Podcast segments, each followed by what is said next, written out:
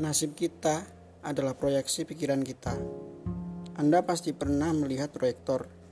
Cara kerjanya adalah sebuah laptop dihubungkan ke proyektor dan proyektor itu memancarkan cahaya yang berulang-ulang dengan frekuensi tetap sepanjang listrik proyektor itu masih dinyalakan. Cahaya itulah yang terlihat di layar besar. Apa yang ada di layar besar tersebut? Pastinya layar tersebut menampilkan gambar yang sangat persis dengan yang ada di screen laptop kita. Sedetik gambar berubah di laptop, sedetik itu juga berubah di layar. Begitu juga dengan pikiran kita. Dalam grafik di bawah ini, terlihat bahwa otak kita menerima 2 juta informasi per detik dengan kecepatan yang sangat tinggi.